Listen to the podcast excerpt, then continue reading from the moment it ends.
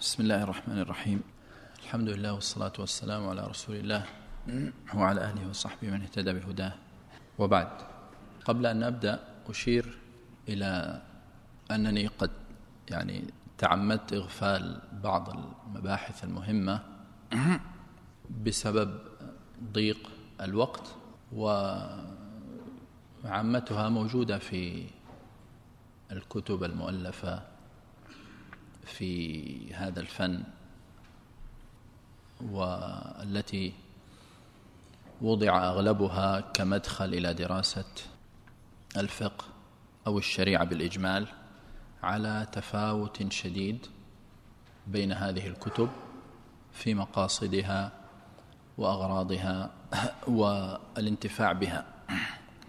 لكن أهم هذه المباحث التي أغفلناها هي تعريف علم الفقه. لأن الكلام فيه يطول و آه، يعني لا يتسع مع الوقت الذي آه، بين أيدينا.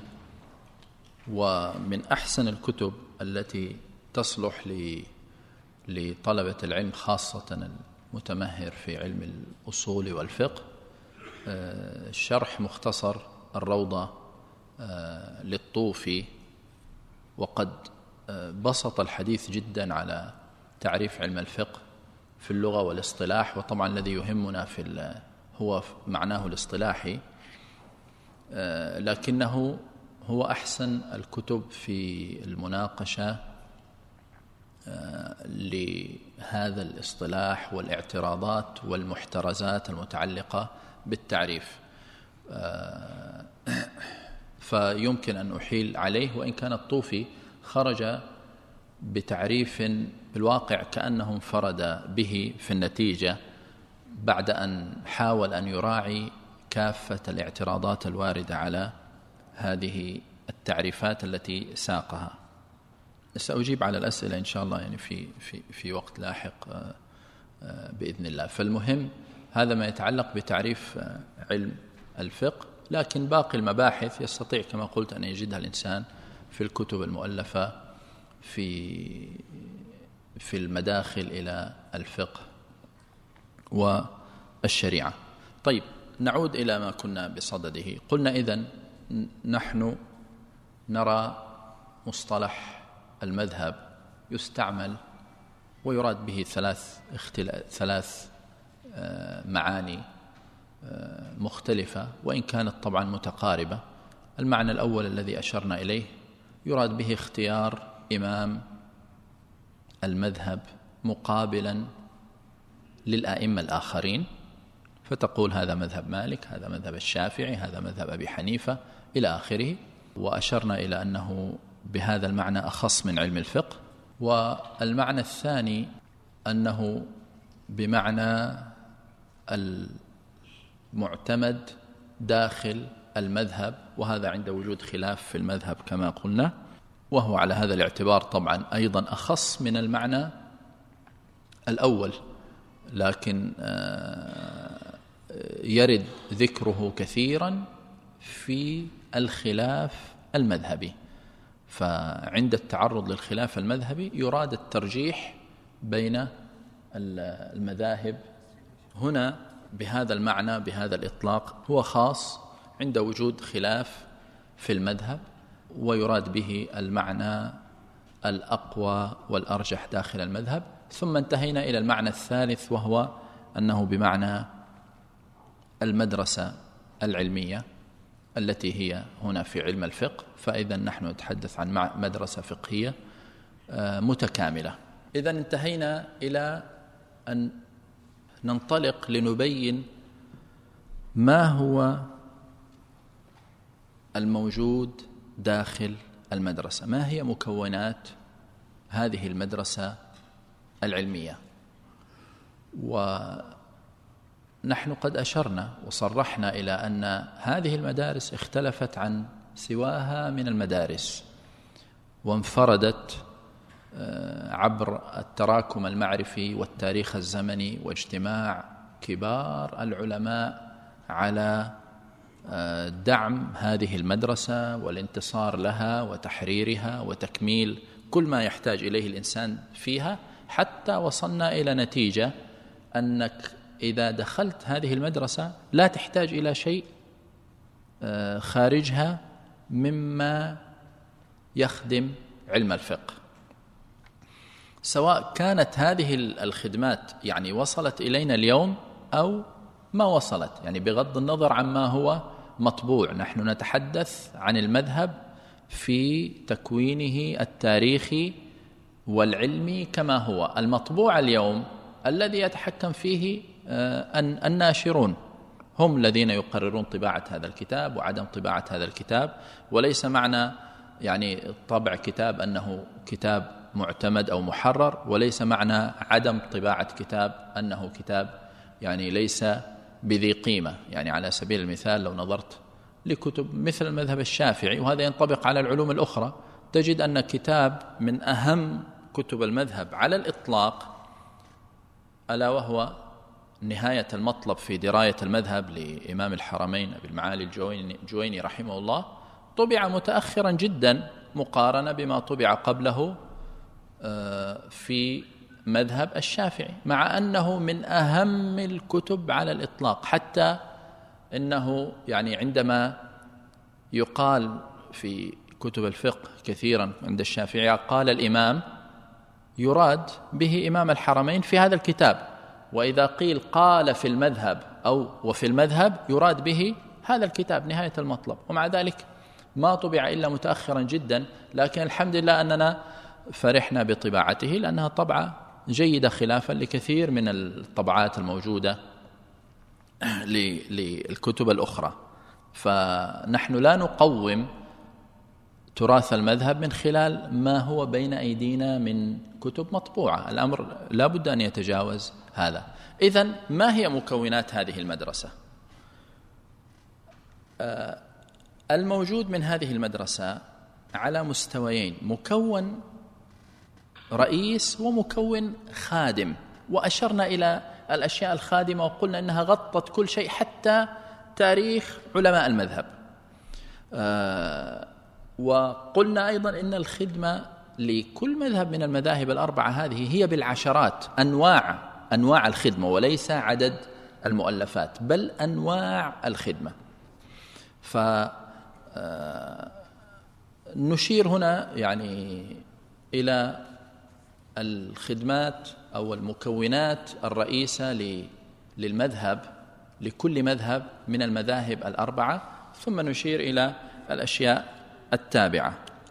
أول هذه المكونات المنطلقات. المنطلقات يراد بها أصول المذهب. كل مذهب من المذاهب الأربعة له أصوله. سنقوم بعد قليل إن شاء الله. ما هي الاختلافات بين الأصول في المذاهب؟ تقويما اجماليا. لكن لدينا كتب في أصول الحنفية وكتب في أصول المالكية وكتب في أصول الشافعية كتب في أصول الحنابلة. هذا الشيء من أهم الأمور التي أدت إلى استقرار هذه المذاهب وتحولها إلى مدارس وفقدانه في المذاهب الأخرى أدى إلى انقراض هذه المذاهب. أدى إلى انقراض هذه المذاهب. فلدينا المذهب الجريري والأوزاعي ومذاهب أخرى كثيرة. غياب التدوين الأصولي فيها جعلها تنقرض لأن المدرسة لا يمكن أن تتكون بوجود الاختيارات الفقهية فقط. هذا لا بد أن نعيه تماما. الاختيارات العلمية لا تكون مدرسة في أي علم من العلوم. الذي حصل أن أئمة المذاهب الأربعة هؤلاء اختاروا أقوالا مثلهم مثل الصحابة. الصحابة لهم أقوال. الآن لو نظرت في أي كتاب من كتب الخلافة العالي لابن المنذر أو ابن جرير الطبري مختصر كتاب أبي جعفر الطحاوي إلى آخره تجد أقوال كثيرة لابن عباس لابن عمر لابن مسعود. وتعرفون أن من من من علا من فقهاء العصر من أسس مشروعا لموسوعة فقه الصحابة. فيعني جمع اختيارات ابن مسعود آه، ابن عباس ابن عمر إلى آخره. بعد الصحابة هناك التابعون آه، ثم تابع التابعين إلى آخره. أبو حنيفة جاء في عصر التابعين يعني ولد في سنة ثمانين للهجرة. وهذا عصر صغار الصحابة. مالك رحمه الله ولد سنة ثلاثة وتسعين في السنة التي توفي فيها أنس بن مالك رضي الله عنه. فهذا عصر صغار الصحابة. الذي اختلف فيه هؤلاء الأئمة الأربعة عن غيرهم أنه بدأ التأسيس لفقههم من أقوالهم. جمعت حفظت ضبطت دونت استخرجت منها الأصول. استخرجت منها الأصول. فلذلك من أهم مكونات المدرسة هذه المنطلقات لأنها كالمؤسس للمذهب وتسمح باستمرار الاجتهاد الاستنباط التوليد الفقهي في كل عصر. لكن لما ما يكون عندك أصول وتحصل مسائل جديدة ينقطع المذهب. لأن المسائل الجديدة كيف تستخرج فيها أقوال؟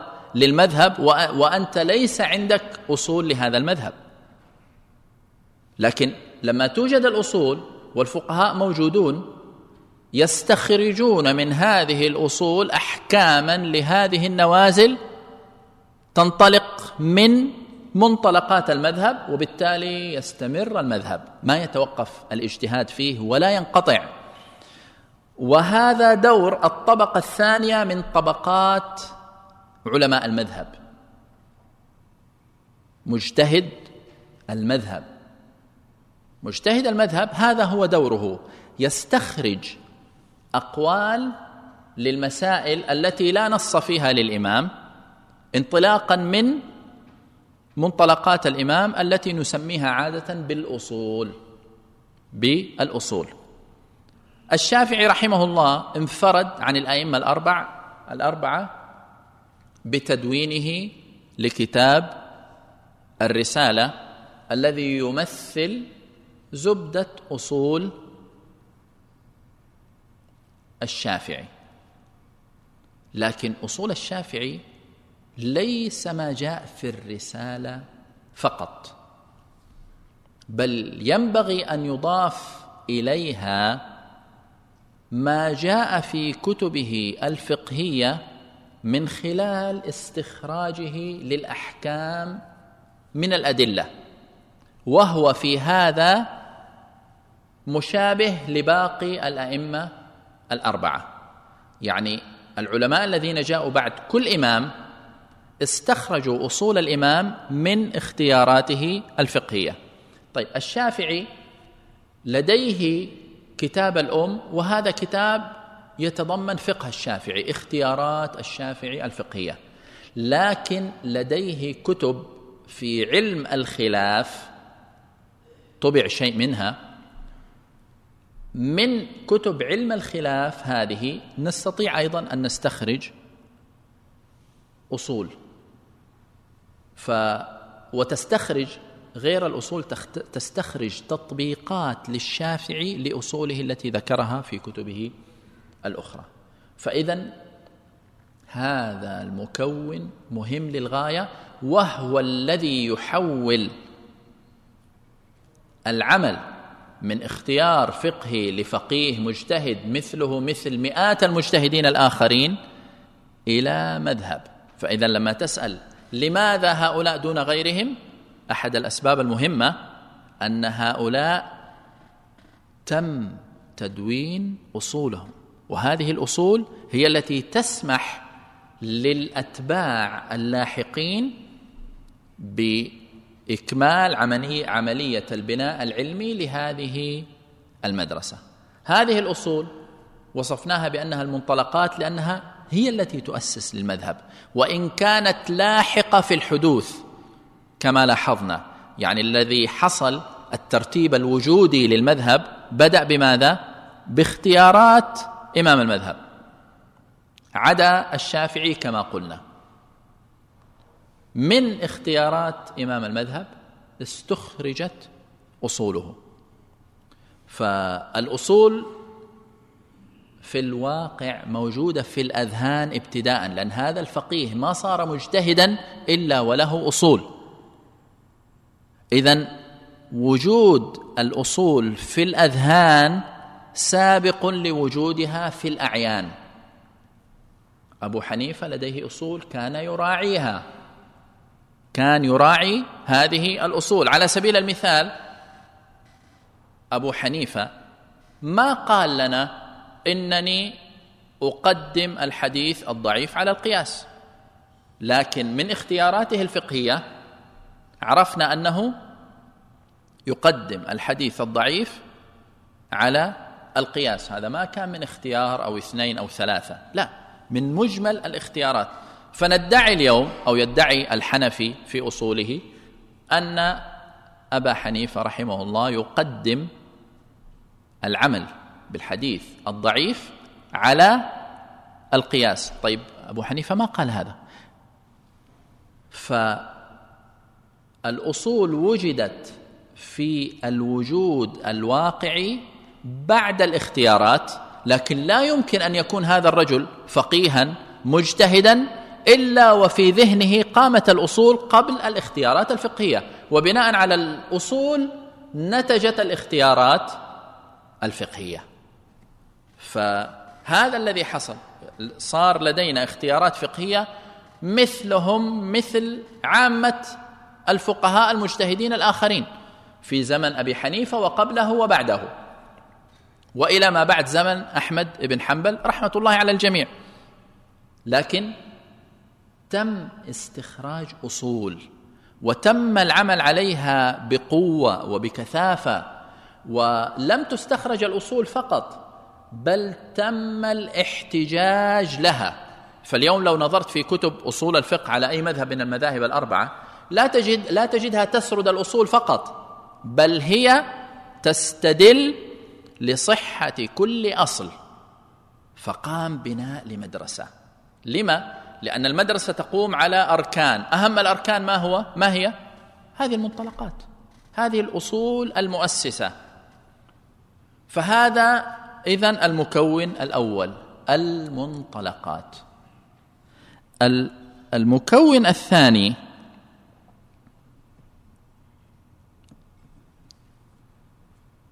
المحددات. هذه المحددات جاءت لاحقة على المنطلقات. هذه المحددات هي القواعد الفقهية الموجودة في كل مذهب من المذاهب الأربعة. طبعا لا يفهم من كلامي أن كل مذهب لديه أصوله المستقلة ولديه قواعده المستقلة لأن كثير من الأحيان هذه الأشياء متشابهة. هذه الأمور متشابهة بل ربما تكون واحدة لكن هي موجودة لدى أبي حنيفة موجودة لدى الشافعي إلى آخره. العمل بالقياس مثلا موجود لدى الأئمة الأربعة إلى آخره. سنتعرض لهذا إن شاء الله عندما نتحدث عن الخلاف بين الأئمة. هذه المحددات هي قواعد فقهية تبين المسارات العامة في العمل الفقهي. يعني الأصول نعرفها الأدلة الإجمالية وكيفية الاستفادة منها. وطبعا في تعريف علم الأصول يقولون لك إيش؟ و وحال المستفيد حال المجتهد. هذا في الواقع ليس من صلب علم الأصول بل هو من المتممات مثل المقدمات المتعلقة بمسائل الأحكام. لكن صلب علم الأصول هو الأدلة وكيفية استثمار الأدلة. هذا هو علم الأصول. لكن لدينا شيء آخر اسمه قواعد فقهية. ما هذه القواعد؟ هذه القواعد كالمحددات للمسارات العامة الموجودة في فقه كل إمام من الأئمة. وهي أيضا ضرورية لتكوين المدرسة. يعني يصعب تخيل مدرسة فقهية قوية بدون وجود قواعد. يعني اليوم نحن مثلا ندرس في بلادنا هذه في الغالب في في في الدراسة الجامعية في الكليات الشرعية ندرس مذهب الإمام أحمد. وبالتالي من الضروري دراسة القواعد على مذهب الإمام أحمد. طيب هذه القواعد مثل ما قلنا في الأصول يعني منها ما هي قواعد متفق عليها أو كالمتفق عليها بين المذاهب. فتقيم البناء عينه في كل مذهب من المذاهب. وعلى رأسها مثلا القواعد المشهورة الخمسة الكبرى آه الأمور بمقاصدها آه الضرر يزال إلى آخره. القواعد الخمسة لكن هناك هذه متفق عليه لكن هناك أشياء لا تختلف فيها المذاهب أحيانا. ولذلك هي كالمحدد لمسار المذهب. يعني مثلا لما تقرأ لابن رجب وهذا الكلام موجود في المذاهب الأخرى مسألة هل النهي يقتضي الفساد؟ موجودة في كتب الأصول تحت مباحث آه، النواهي التي هي من مباحث آه، الألفاظ عند الأصوليين. وهذا مبحث في غاية الأهمية. وهو في الواقع محدد مهم للاتجاه الذي يسلكه الفقيه في كافة النواهي التي تأتي في الكتاب والسنة وما أثرها على فعل المكلف. ابن رجب رحمه الله جاءك بقاعدة في غاية النفاسة آه، وصفها بأنها في العبادات الواقعة على وجه محرم وقسمها التقسيم المشهور يقرب من تقسيم الشافعية على شيء من يعني من الفروق وهو أيضا قريب من من إلى حد ما من تقسيم المالكية. طيب هذا حدد لك المسار في ماذا؟ في النواهي. في النواهي. قال لك ترى المكلف إذا فعل العبادة وداخلها شيء منهي عنه هناك مسار يجعل هذه العبادة باطلة. وهناك مسار آخر يجعله مع ارتكابه للمحرم إلا أن هذه العبادة صحيحة بمعنى تبرأ بها الذمة. تبرأ بها الذمة. لكن في المسار الأول تقع باطلة وبالتالي لا تبرأ بها الذمة.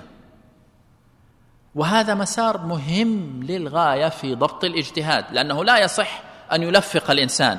فيأتي بهذا مكان هذه ويأتي بهذه مكان تلك. تنضبط الأمور بهذه الطريقة. هناك قاعدة تجعله يبطل العبادة هذه إذا داخلها المحرم وفرع آخر تجعله يقول بالتحريم إلا أنه لا يبطل هذه العبادة. واضح؟ هذا إذن مسار يحدد لك منطلق المذهب. اليوم تنطلق بهذا الشكل وتستمر إلى ما شاء الله. وضع لك قاعدة أخرى تتعلق مثلا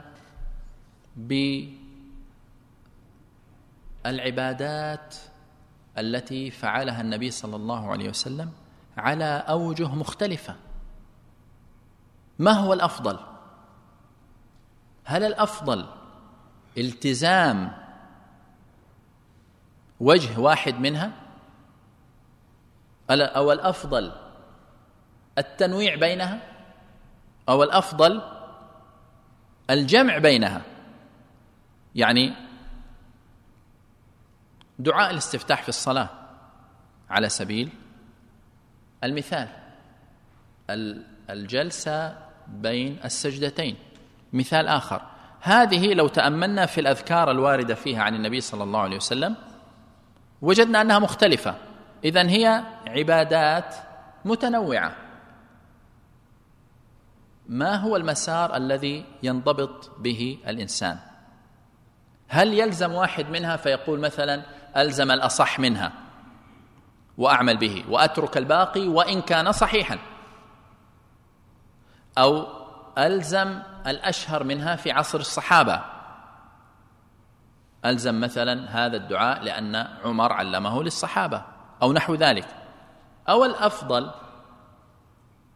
أن أنوع بينها فمرة أقول هذا ومرة أقول هذا ومرة أقول هذا. أو الأفضل أن أجمع بينها في سياق واحد فآتي بها جميعها وأسردها في هذا الموطن. هذا هذا مسار يحدد قاعدة تنطلق في هذا الشأن. ولذلك كتب القواعد الفقهية في غاية الأهمية للفقيه إذا أراد أن يتمكن من أدوات الاجتهاد. لما؟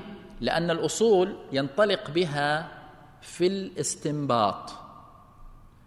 القواعد تجعل هذه الأشياء متوافقة. ولذلك عندهم قواعد عندهم ضوابط ويطلقون لك هذه الضوابط وتجد أن الأمور تنضبط بهذه الطريقة. فإذا تلاحظون إذا أن المدرسة لا في الواقع معالمها أقوى وأركانها أقوى وقواعدها أقوى وتفهم لماذا صار عندك فقط أربعة مذاهب بينما قد تكون المذاهب بالعشرات أو بالمئات لكن يعني انقطعت وما صار هناك من يعمل بها. وهذه حجة مثلا أو من حجج من يقول أنه لا يجوز اتباع غير المذاهب الأربعة. يقول لك لأن هذه أشياء منضبطة ومحررة و, و يعني الأمور فيها على مسلك واضح. بينما المذاهب الأخرى وإن حفظت اختياراتها فهي ليست بهذه المثابة وإن كان هذا القول يعني يعني محل نظر لكن القصد الإشارة إلى حجته. وليس كل ما نذكره يعني هنا آه، نوافق عليه لكن نصف ما يكون عند الإنسان تصورا صحيحا يوافق الواقع. بعد ذلك تأتي الأحكام. تأتي تقول والله هذا مسلك صحيح هذا مسلك غير صحيح هذا المسلك ترى أدى إلى نتيجة يعني غير صحيحة إلى آخره. فاذا المكون الثاني هو المحددات. المكون الثالث الاختيارات. هذا المكون في الواقع من حيث الوجود هو الأول. هو الأول يعني اختيارات كل إمام من الأئمة كانت هي أول ما كون له المذهب. إلا أنه باختياراته لا زال موافقا لغيره من الأئمة الآخرين. هنا لم ينفرد عنهم في شيء يجعله صاحب مذهب يختص به عما سواه. يعني الصحابة الذين تصدروا للفتيا عامتهم لديهم اختيارات. آه، التابعون الذين جاءوا بعدهم. تابع التابعين وهكذا كما قلنا إلى ما بعد عصر الإمام أحمد. يعني آه ابن جرير الطبري رحمه الله توفي سنة عشر وثلاثمائة من الهجرة وكان له أصحاب يتبعونه ويقال لهم الجريرية. فوجود الاختيارات هو أول مكون من حيث الوجود. أول مكون. هذه الاختيارات تمثلت مثلا في إجابات الإمام أحمد على الأسئلة. يعني الإمام أحمد ما كان له درس يجلس ويدرس الفقه. نعرف قصته بسبب المحنة وأنه كان يملي الحديث ثم انقطع عن إملاء الحديث أيضا إلى وفاته رحمه الله. أما أنه يجلس ليدرس الفقه ما كان موجود. فكيف تكونت اختياراته؟ تكونت من خلال فتيا الفتيا. لكن الفتيا التي نقلت لنا كانت فتيا من الذي يقوم بإلقاء السؤال فيها؟ كان الذي يقوم بإلقاء السؤال عالم كبير مثل يعني الأسماء الذين أشرنا إليها أبو داود وصالح وعبد الله والكوسج وإلى إلى آخرهم. فكانت أسئلة فقيه يريد أن يعرف رأي هذا الإمام لا أن يتعبد برأيه فقط. ما هو مثل سؤال العام. العام يسأل لماذا؟ لكي يعمل بغرض التعبد. لكن الفقيه يسأل بغرض ماذا؟ بغرض العلم بغرض الاستنتاج بغرض أن يقارن بين هذه المسألة وهذه المسألة وإن كانتا سواء في الصورة وهو الذي نسميه الأشباه علم الأشباه. أحيانا يعني يكون بين المسألتين آه، تشابه. لكن في الواقع قد يكون الحكم مختلف وقد يكون الحكم لا متفق ومأخذه مختلف. وهذا ما تضمن ما ما ما ما, ما يضمنونه في علم في كتب الأشباه والنظائر. فتكون مذهب الإمام أحمد من هذه الأسئلة هذه السؤالات. فهذا المكون مهم للغاية لأنه أول موجد للمذهب. لكنه لا يكفي لتكوين مذهب قابل للحياة. نعم يكفي لإيجاد اختيارات عالم كبير ومجتهد من كبار المجتهدين لكن قد تنقطع هذه الاختيارات وتبقى فقط في الكتب أو تبقى ذكرى في التاريخ. هذا المذهب الجريري هذا المذهب الأوزاعي إلى آخره. فتتابع التسلسل العلمي من هذا المكون أسس لنا الأصول وأسس لنا القواعد وبهذه الطريقة تكونت المدرسة وانتقل المذهب من أن يكون اختيارات فقهية مجردة إلى أن يصبح مدرسة علمية متكاملة لديها أصولها وتطبيقاتها واستثناءاتها إلى آخره. اذا هذا المكون الثالث. لدينا بعد ذلك التعبيرات لغة المذهب.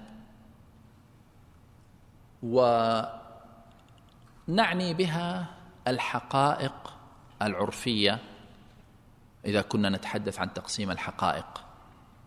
لأن الحقيقة قد تكون لغوية وقد تكون شرعية وقد تكون عرفية. يعني اليوم لما تقرأ في نصوص الكتاب والسنة لديك شيء. لكن لما تقرأ في كتب الفقه لديك لغة أخرى. طيب ما هذا؟ ما الذي حصل؟ أليست هذه الكتب يعني ندعي أنها مأخوذة من الكتاب والسنة؟ نعم لكن صيغت وفق لغة اصطلاحية. صار لدينا عادات في التأليف استقرت مثلا على تقديم العبادات على المعاملات. هذه عادة في التأليف. لكن نصوص الشرع ليست هكذا. نصوص الشرع مثلا في القرآن سور والسور هذه تم الترتيب الذي استقر عليه عمل المسلمين. نصوص السنة ليس لها ترتيب محدد لأن البخاري رتب غير ترتيب مسلم غير إلى آخره. ف لكن كتب الفقه أصبح لها عادات وأصبح لها لغة. هذه اللغة أصبحت لغة دقيقة. الصلاة. يريد أن يعرف الصلاة. فيقول لك إيش؟ أقوال وأفعال مخصوصة. مفتتحة بكذا ومختتمة بكذا. طيب يعني ما بال هؤلاء الفقهاء؟ أما يسعهم ما وسع الكتاب والسنة؟ الكتاب والسنة عرفوا لنا الصلاة؟ ما عرفوا الصلاة. في تعريف للصلاة في في القرآن والسنة؟ ما في تعريف. طيب ما هذا الذي أحدثوه في الدين؟ لا. أنت الآن تريد أن تضع لغة. هذه اللغة تعرف بها ما يكون صلاة وما لا يكون صلاة ولو كان من جنسها.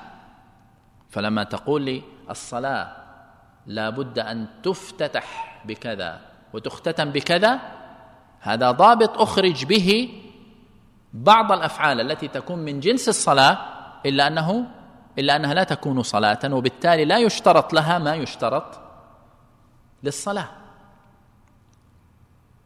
تأتي للصيام. نفس الضابط. تأتي للزكاة. نفس الضابط. لأن المال الذي يخرجه الإنسان يخرجه بصور مختلفة ولأغراض مختلفة.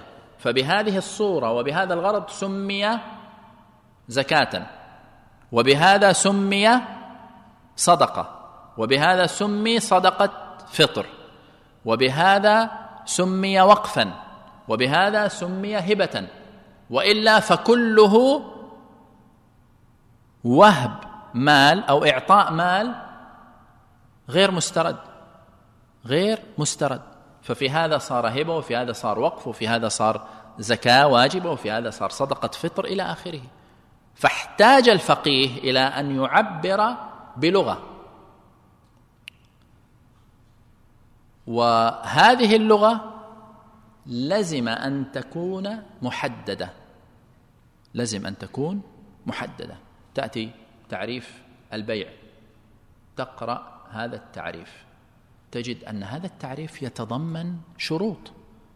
بدون هذه الشروط لا يصبح هذا البيع صحيح.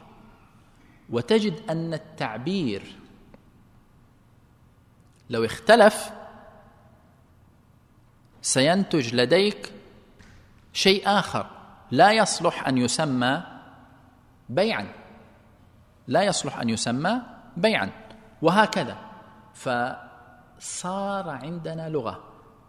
اللغة هذه في الغالب في الأعم الأغلب مشتركة بين المذاهب الأربعة. طريقة التعبير مشتركة. وإن كان لدى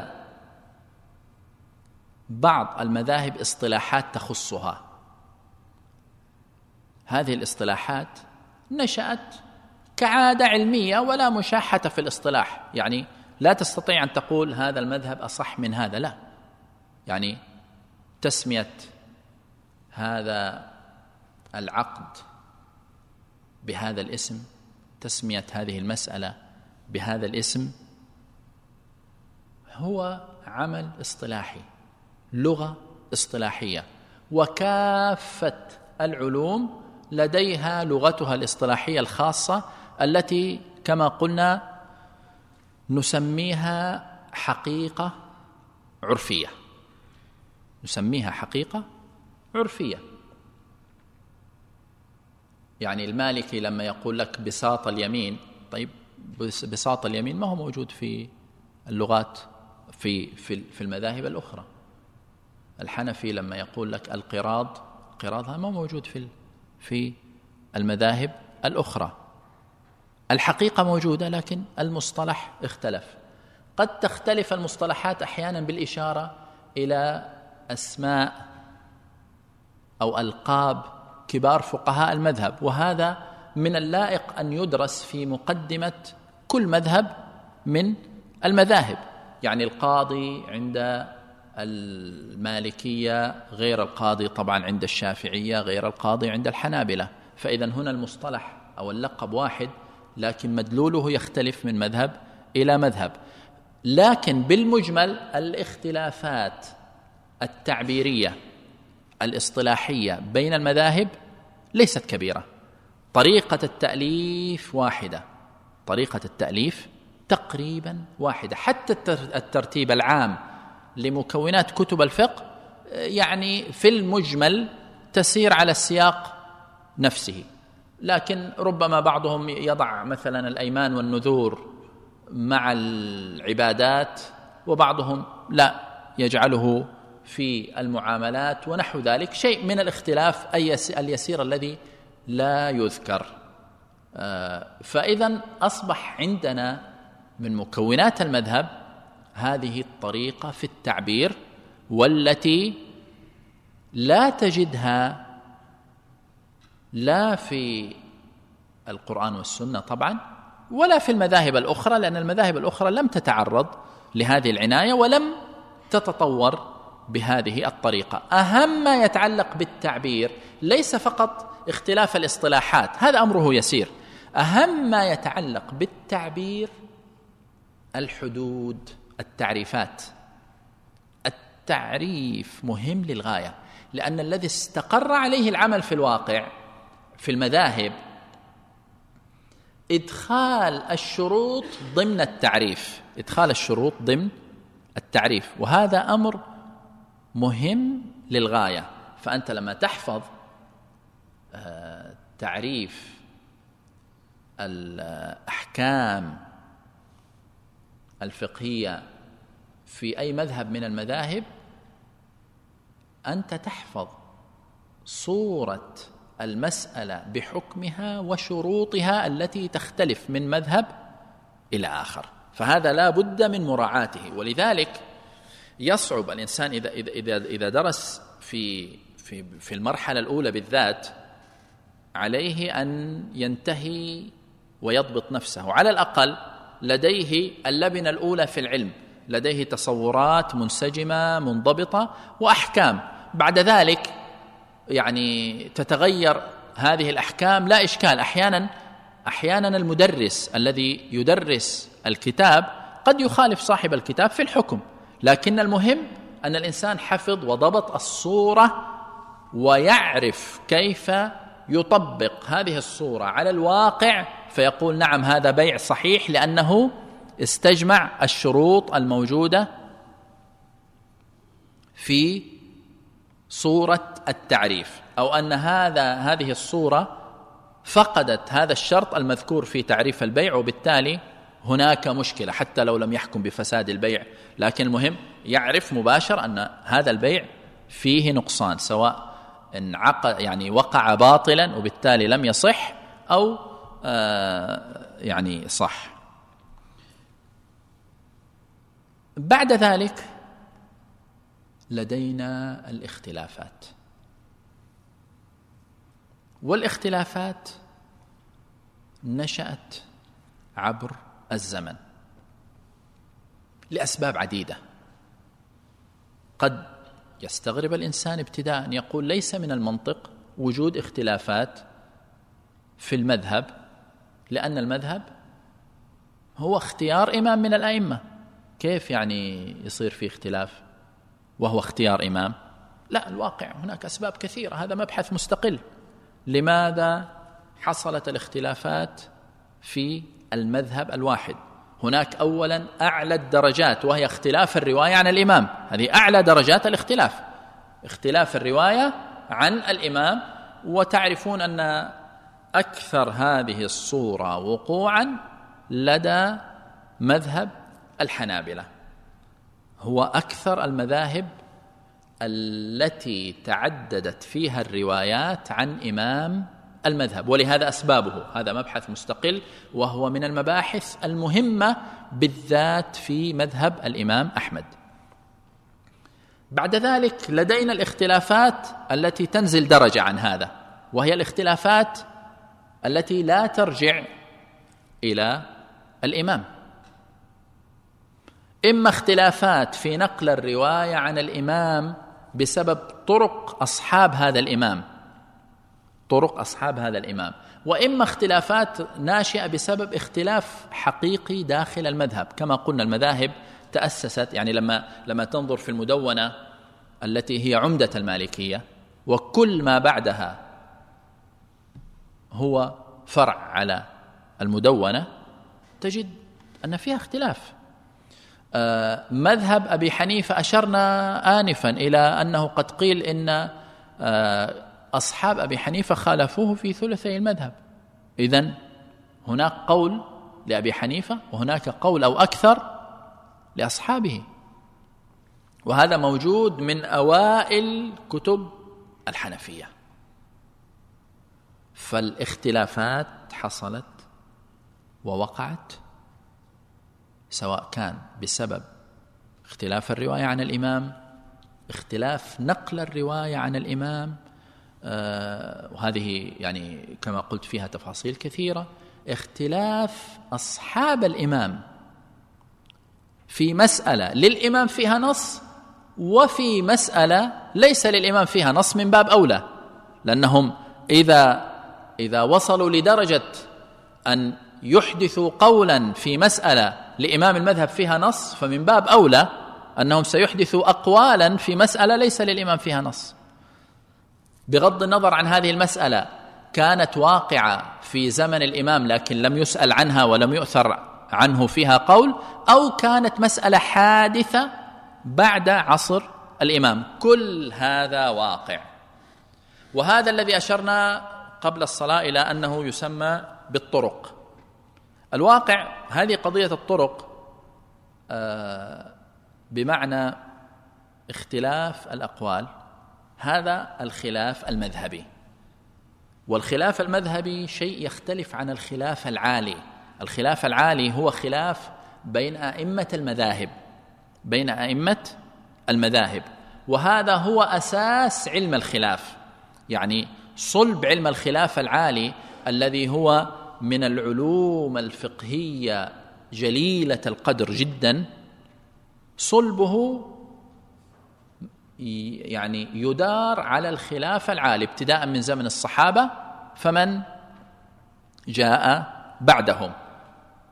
علماء المذاهب الأربعة في الغالب يحصرون الخلاف العالي بين المذاهب الأربعة وكثير من الأحيان لا يذكرون أصلا مذهب الإمام أحمد. في كثير من كتب الخلاف المذهبية في كثير من كتب الخلاف بين المذاهب الأربعة يذكرون الخلاف بين أبي حنيفة ومالك والشافعي ولا يذكرون مذهب الإمام أحمد رحمه الله.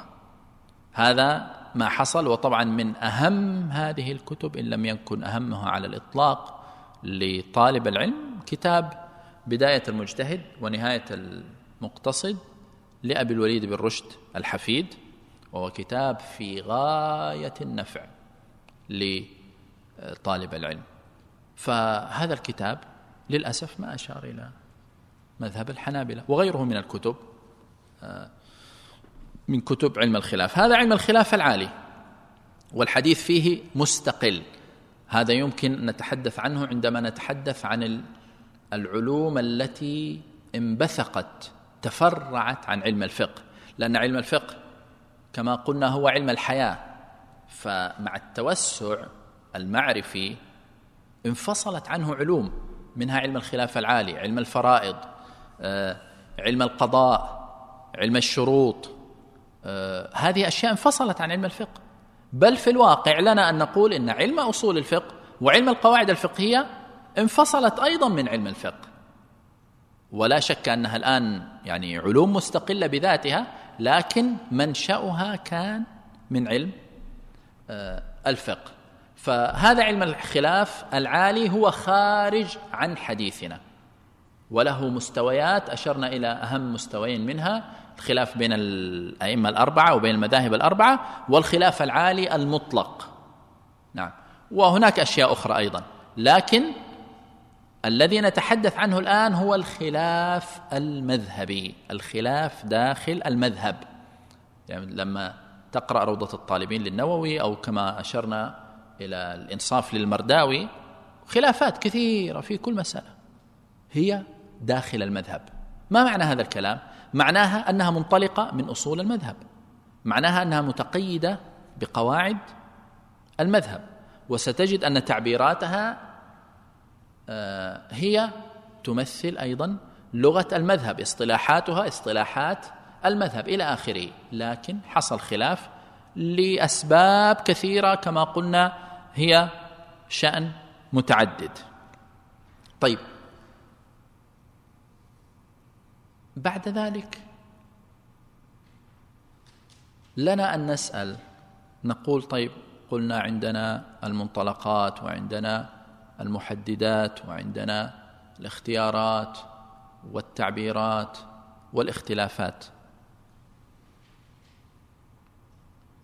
أين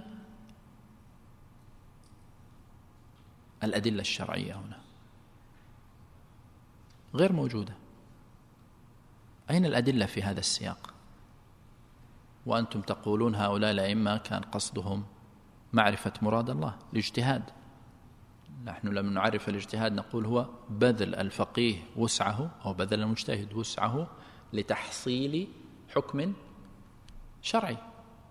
طيب هذا الفقيه بذل وسعه فين يعني؟ ما, ما وجدنا لا آيات ولا أحاديث. طيب ولذلك زاد المستقنع من أوله لآخره ما في آيات ولا أحاديث ولا إلى آخره. المسألة يسيرة. المسألة يسيرة جدا. إمام المذهب كما قلنا في ذهنه أصول. هو لما اجتهد ما اجتهد من فراغ ومع ذلك لا نجد هذه الأصول وإنما تم استخراجها لاحقا. هذه الأصول ما الذي عمل بها؟ الأصول ليست إلا أدوات. الأداة تحتاج إلى مادة تعمل فيها. هذه المادة ما هي؟ هذه المادة هي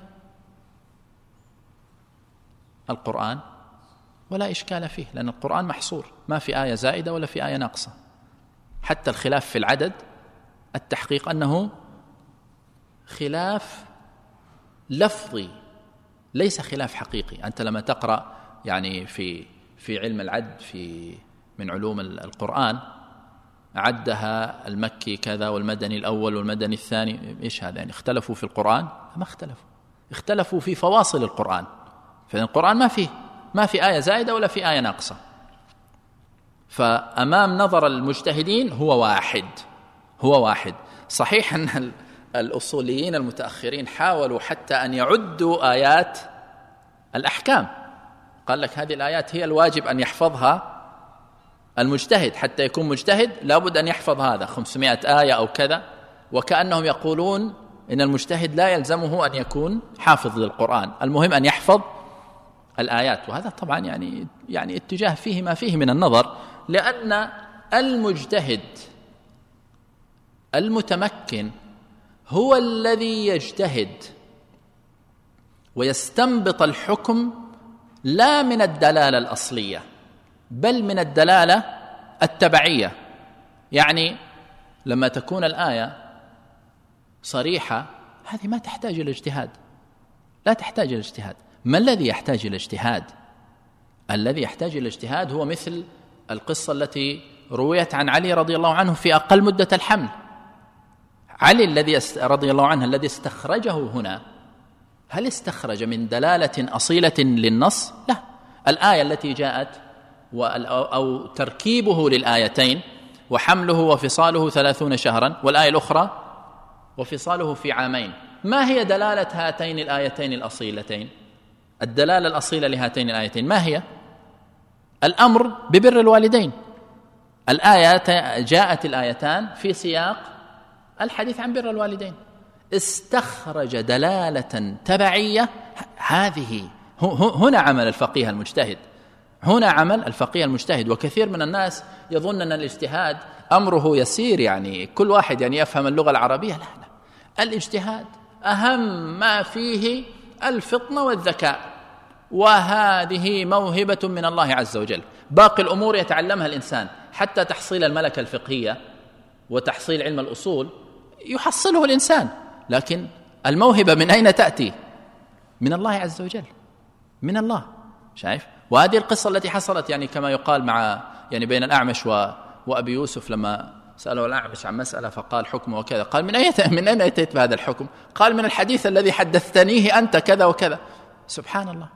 اذا يعني أن يعني الدليل واحد لكن هذا لم يخطر في ذهنه أي مدلول له والآخر استنبط منه حكما. اي فرب حامل فقه إلى من هو أفقه منه. فالنصوص الفقيه هذا المجتهد من عصر الصحابة. فمن جاء بعدهم؟ كلهم ديدنهم وهجيراهم معرفة مراد الله. كما قلنا بالإجماع لا حكم إلا لله. طيب. الفقيه إذن لا ينشئ حكم. وإنما هو يعبر عن الحكم الذي يظن أنه حكم الله. والله عز وجل لو أراد أن يبين الأحكام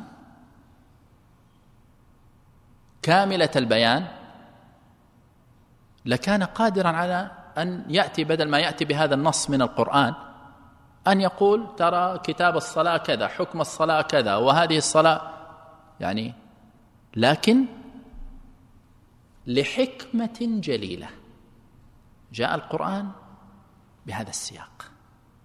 ولحكمة جليلة تعوزنا النصوص في بعض الأبواب. فيأتي هنا الاجتهاد. يأتي الاجتهاد. فالفقيه الأمر سهل فيما يتعلق بالآيات محصورة لكن ليس بسهل في استخراج الدلالات التبعية. هذا أمر آخر. يفتح الله به على من شاء من عباده. ولدينا بعد ذلك نصوص السنة. وهذه قصة طويلة نصوص السنة. هذه القصة كان لها أثر بالغ في اختلاف اجتهاد الفقهاء. في اختلاف اجتهاد الفقهاء. فالفقيه وصله الحديث لكن وصله من طريق منقطع مثل أبي حنيفة مع حديث آه، أبي موسى الأشعري في في لا نكاح إلا بولي. وصله من طريق منقطع ما قال به. انتهى الأمر.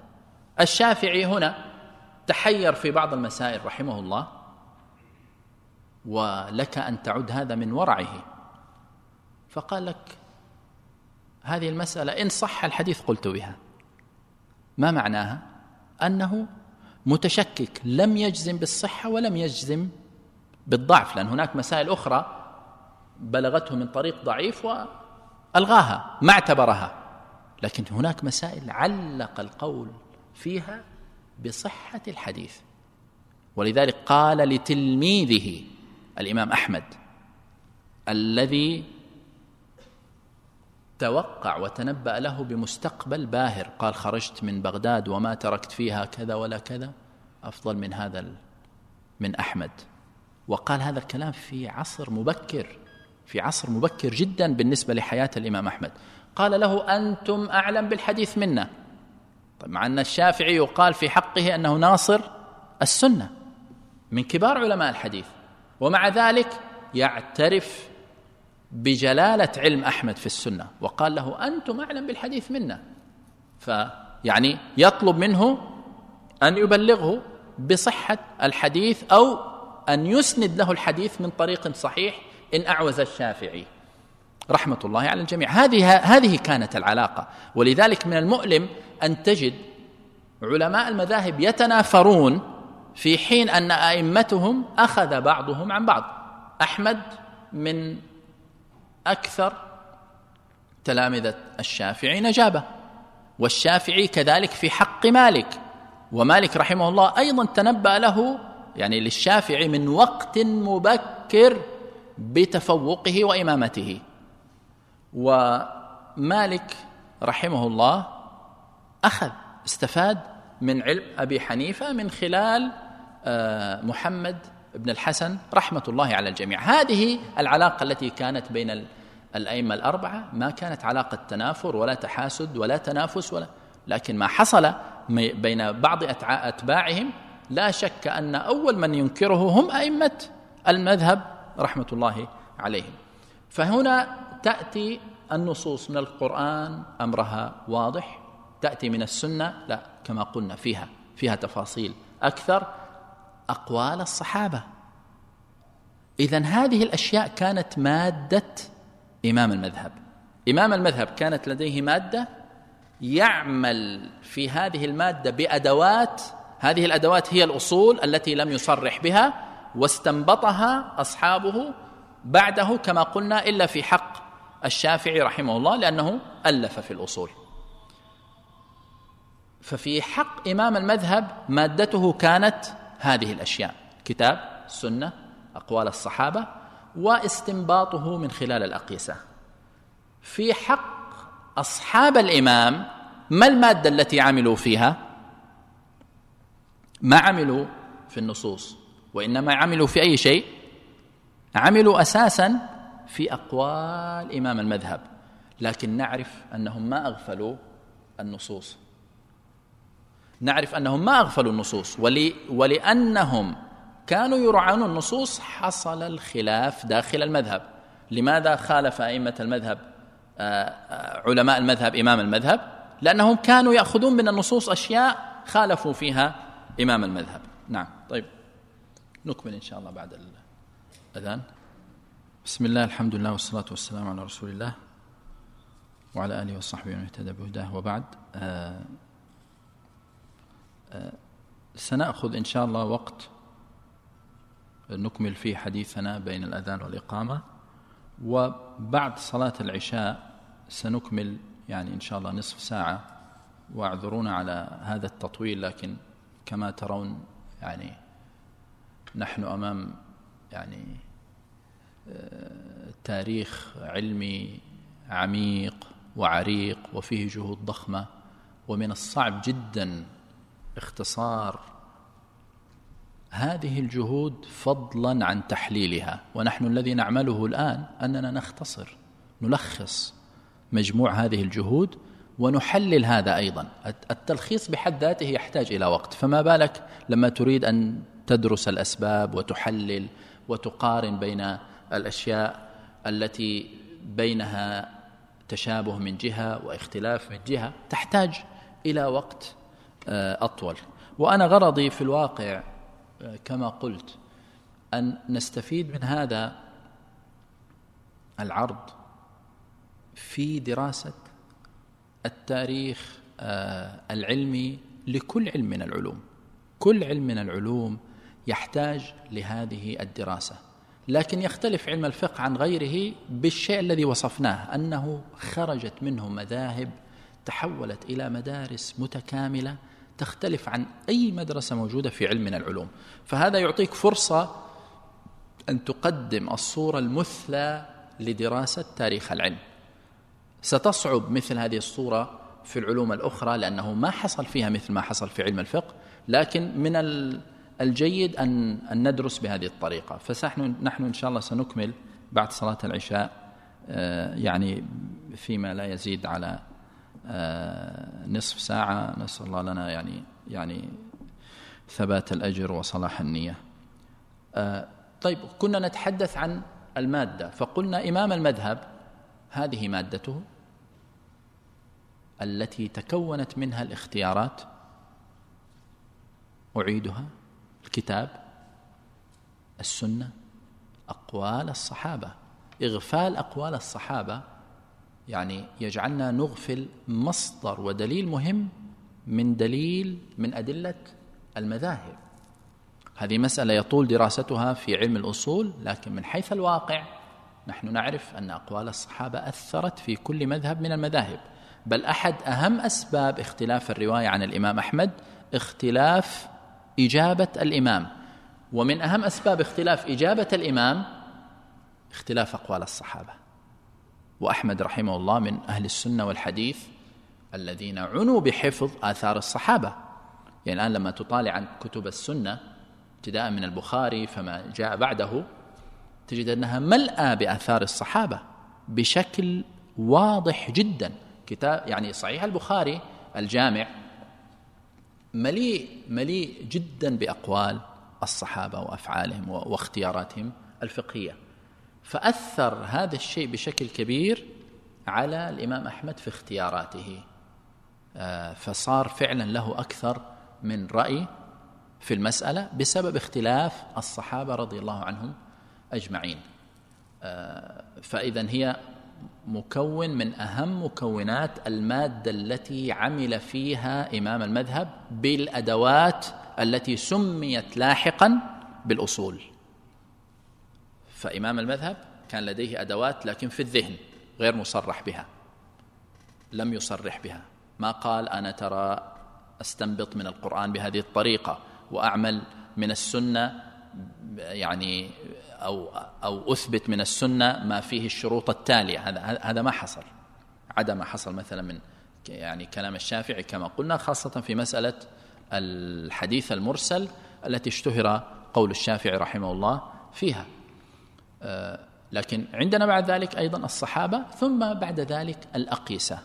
الإمام لما يسأل عن مسألة يجيب لكنه في الإجابة ما يقول لك أنا استنبطت هذا الحكم قياسا على مسألة كذا. من الذي صنع ذلك؟ نعم اصحاب المدرسة التي بدأت تتكون. آه، فمادة إمام المذهب هي هذه لكن مادة الأصحاب ونعني بالأصحاب طبقة الاخذين عن إمام المذهب فمن جاء بعده. من كبار علماء المذهب. من كبار علماء المذهب. جيلا بعد جيل. يعني في مذهب الحنابلة مثلا من كبار الحنابلة الذين تعرفهم من آثارهم الحافظ ابن رجب رحمه الله في قواعده. في قواعده كان يخرج ويعلل ويصوب ويخطئ بما يدل على أنه من كبار علماء الحنابلة الذين بلغوا منزلة عالية في تحرير المذهب وضبطه. ولذلك مصحح المذهب المرداوي كان يمشي على كلام ابن رجب يمشي على كلامه لأن لديه من القدرة على التصحيح والترجيح والتصويب والتخطئة. يعني كان كان يخطئ مثلا القاضي والقاضي يعني هو من هو في في في في في المذهب الحنبلي. وكان ينبه إلى إلى سبب غلط كثير من العلماء الذين كانوا يخطئهم. ما كان يخطئهم هكذا كان ينبه السبب كذا كذا كذا إلى آخره. فعلماء المذهب إذن كانت مادتهم هذه الاختيارات اختيارات الإمام. لكن ليس بمعزل عن النصوص. والدليل أنها ليست بمعزل ما نشاهده في تآليفهم ومخالفتهم لإمام المذهب في مسائل ليست بالقليلة. لكن طبعا انصب العمل الرئيس داخل المذهب على تكوين المدرسة تكوين المدرسة. هذا الذي حصل وبموجبه تحول المذهب كما قلنا إلى مدرسة مستقلة. طيب اذا هذه مكونات المدرسة لكن ليس هذا فحسب كما قلنا. لما بدأت معالم المدرسة تتكون سواء كان عند الحنفية المالكية الشافعية الحنابلة بدأوا يكملون الجهود كما قلنا. انتقلوا إلى مستوى التفسير إلى مستوى الحديث إلى مستوى وطبعا الخدمات في الحديث متنوعة وكثيرة كما أشرنا جمع أدلة الأحكام شرح أدلة الأحكام تخريج الأحاديث المستدل بها إلى آخره. ووصلوا كما قلنا إلى أشياء قد لا تخطر يعني على الذهن وتتفاوت في القوة والأهمية. يعني من الأشياء التي وصلوا لها وقلنا إنها مهمة جدا المحددات التي هي القواعد الفقهية. لكن القواعد أيضا تفاوت العمل بها. يعني لو نظرت في كتاب مثل كتاب الأشباه والنظائر للسيوطي أو ما تبعه عند الحنفية لابن نجيم وكان متقاربان طبعا في في العصر. يعني الأشباه والنظائر لابن نجيم لو قابلته بكتاب السيوطي لرأيت أنه حذو القذة بالقذة لكن هذا على طريقة الشافعي وهذا على طريقة وهذا على المذهب الشافعي وهذا على مذهب أبي حنيفة. لوجدت أن الشأن ليس فقط قواعد فقهية كما نعرفها وإنما فيه لطائف وفيه نوادر وفيه استثناءات وفيه جمع لتقييدات من باب الحصر للأمور وهكذا. هذه يعني من النوع الذي يعني يمكن أن نسميه بتسمية الشاطبي رحمه الله آه، ملح العلم. هذه الملح فيها فائدة ولطيفة لكنها ليست من صلب العلم. واعتنوا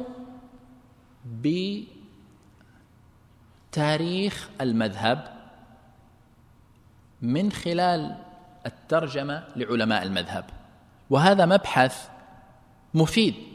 طبعا ليس بأهمية الأشياء السابقة لكن من المهم أن يعرف الإنسان أيضا علماء المذهب وأثرهم ومكانتهم واهم تاليفهم وكل كل عالم من علماء المذهب عمن أخذ ومن أخذ عنه منزلته في المذهب وهذا شيء موجود في المذاهب الأربعة لكن تتفاوت المؤلفات في قوتها وتأثيرها في الصناعة الفقهية.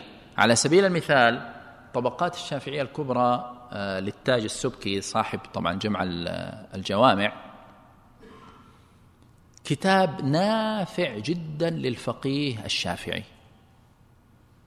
آه، يعني لك أن تقول إنه ليس للمذاهب الأخرى كتاب نافع لفقيه المذهب مثل طبقات الشافعية وإن كان يعني أدرج فيه ما ما هو خارج عن هذا الحد وإلى آخره.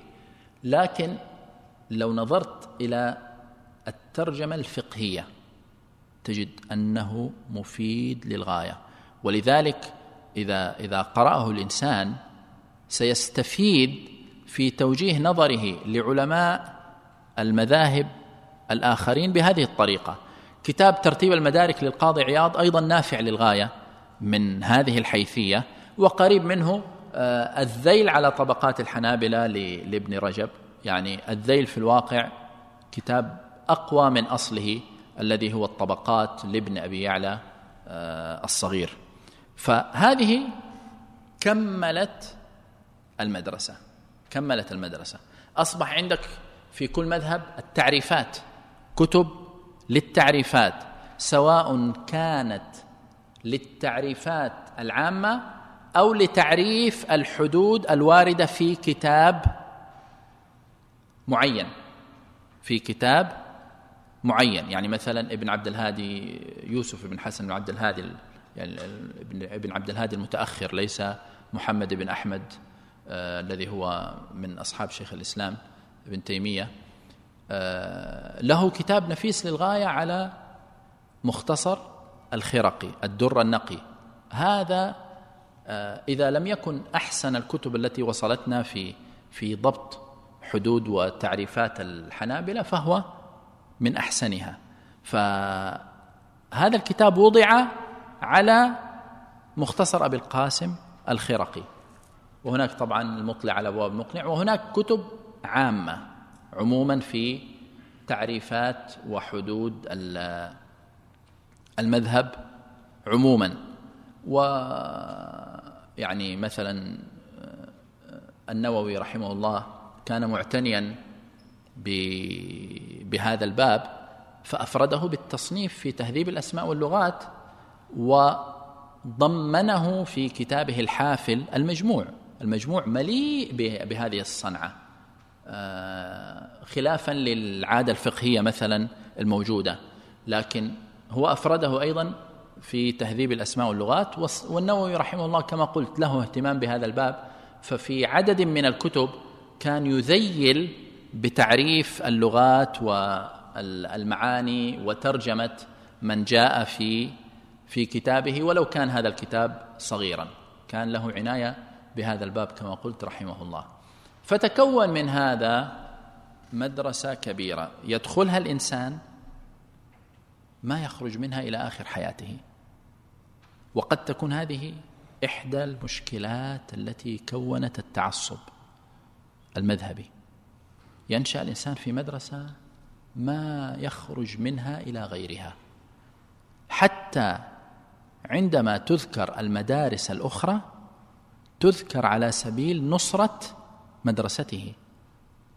وعندنا صار فن من فنون التأليف في هذه المذاهب الأربعة نصفه بكتب الانتصار للمذهب. هذه الكتب هي نوع من كتب علم الخلاف لكنها ما كانت تؤلف لسياق المسائل الخلافية كانت تؤلف لذكر المسائل التي خالف فيها اختلف فيها إمام المذهب مع أئمة آخرين في الغالب مثلا الأئمة الأربعة أو بعضهم ككثير من كتب الخلاف بين الشافعية والحنفية على وجه التحديد. للانتصار لإمام المذهب. فاذا صار الطالب لما ينشأ على المذهب المالكي مثلا آه لا يعرف إلا المذهب المالكي. في التفسير في الحديث في التراجم في في الحدود والتعريفات في القواعد في الأصول في كل شيء. فإذا ذكر المذهب الآخر يذكر في مقام النقد. يذكر ليقارن بمذهبه وليرد على المذهب المخالف. لذلك ما تستغرب أن الإنسان في وسط هذا الجو يبدأ يتعصب للمذهب. وهنا نشأ شيء غريب. ألا وهو اعتقاد أن هذا المذهب أفضل من غيره. وهذا شيء نستطيع أن ندعي إن إمام المذهب لو بعث لما رضي عنه لما رضي عنه. وصار فيه نوع من التصنيف هو للانتصار للمذهب بالجملة. وصار كل واحد من المذاهب الأربعة يدعي إن مذهبه أفضل من مذهب غيره. فهنا إيش؟ انتقلت القضية إلى إلى سياق آخر. أصبح فيه تفضيل بين المذاهب. بعد ما كانت القضية مدرسة علمية يتربى فيها الإنسان ويؤصل علمه ويصل إلى مستوى الاجتهاد و والتخريج والترجيح والتأليف إلى آخره لا. أصبحت القضية هي انتصار للمذهب. هذا المذهب منه بدأنا وإليه نعود وما نخرج منه. فكما قلت انتهى الأمر بكتب تؤلف بالجملة. الكتاب يؤلف بأكمله لبيان أن مذهب الشافعي هو أفضل المذاهب وأنه هو الحري بالاتباع وهكذا عند الحنفية وهكذا عند المالكية. يعني فأضحى الأمر مع تراجع الاجتهاد والتحرر الفقهي. بدأ هنا ينشأ عندنا التعصب. تجد إمام كبير وعنده آلة عنده آلة للاجتهاد جيدة. مدار عمله على نصرة مذهبه وهذا قد يخرجه حتى إلى مقاصد غير صحيحة مقاصد فاسدة. فهذا الذي حصل هذا الذي حصل عبر التاريخ. لكن قصة التعصب المذهبي هي أكبر من هذه. لكن هذا من أهم المآخذ. أطلنا عليكم المعذرة. يعني إن شاء الله نكمل قليلا بعد الصلاة وصلى الله وسلم وبارك على عبده ورسوله محمد وعلى آله وصحبه أجمعين.